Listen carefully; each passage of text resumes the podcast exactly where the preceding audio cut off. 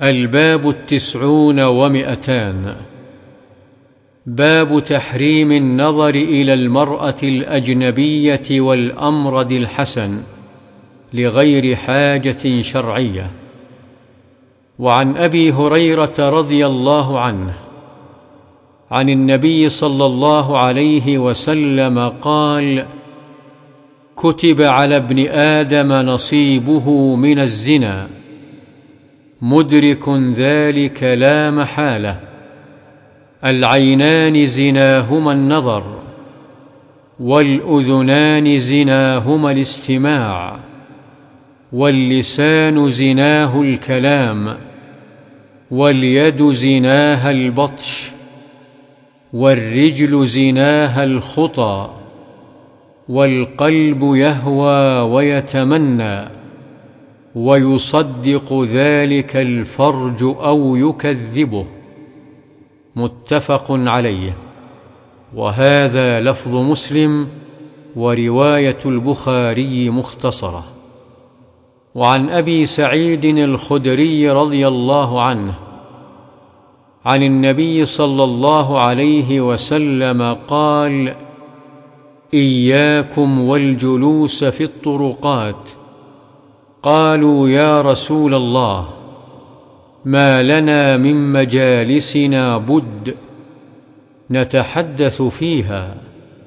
فقال رسول الله صلى الله عليه وسلم فإذا أبيتم إلا المجلس فأعطوا الطريق حقه. قالوا وما حق الطريق يا رسول الله؟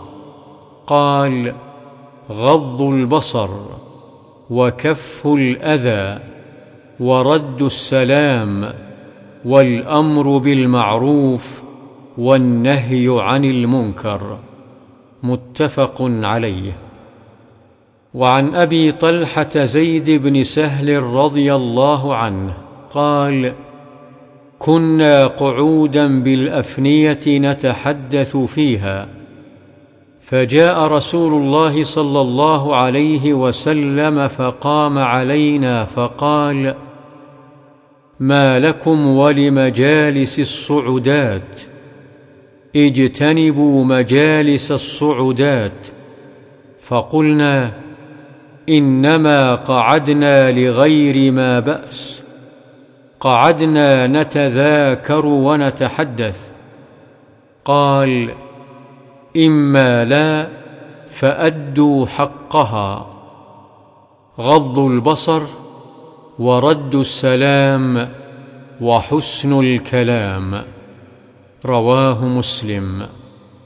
الصعدات بضم الصاد والعين أي الطرقات. وعن جرير رضي الله عنه قال سألت رسول الله صلى الله عليه وسلم عن نظر الفجأة فقال اصرف بصرك. رواه مسلم. وعن أم سلمة رضي الله عنها قالت كنت عند رسول الله صلى الله عليه وسلم وعنده ميمونة فأقبل ابن أم مكتوم وذلك بعد أن أمرنا بالحجاب. فقال النبي صلى الله عليه وسلم احتجبا منه. فقلنا يا رسول الله أليس هو أعمى؟ لا يبصرنا ولا يعرفنا. فقال النبي صلى الله عليه وسلم افعمياوان أنتما؟ ألستما تبصرانه؟ رواه أبو داود والترمذي وقال حديث حسن صحيح.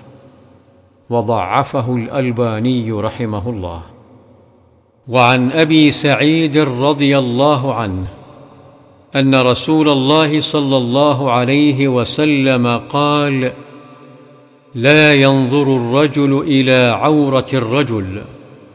ولا المرأة إلى عورة المرأة ولا يفضي الرجل إلى الرجل في ثوب واحد ولا تفضي المرأة إلى المرأة في الثوب الواحد.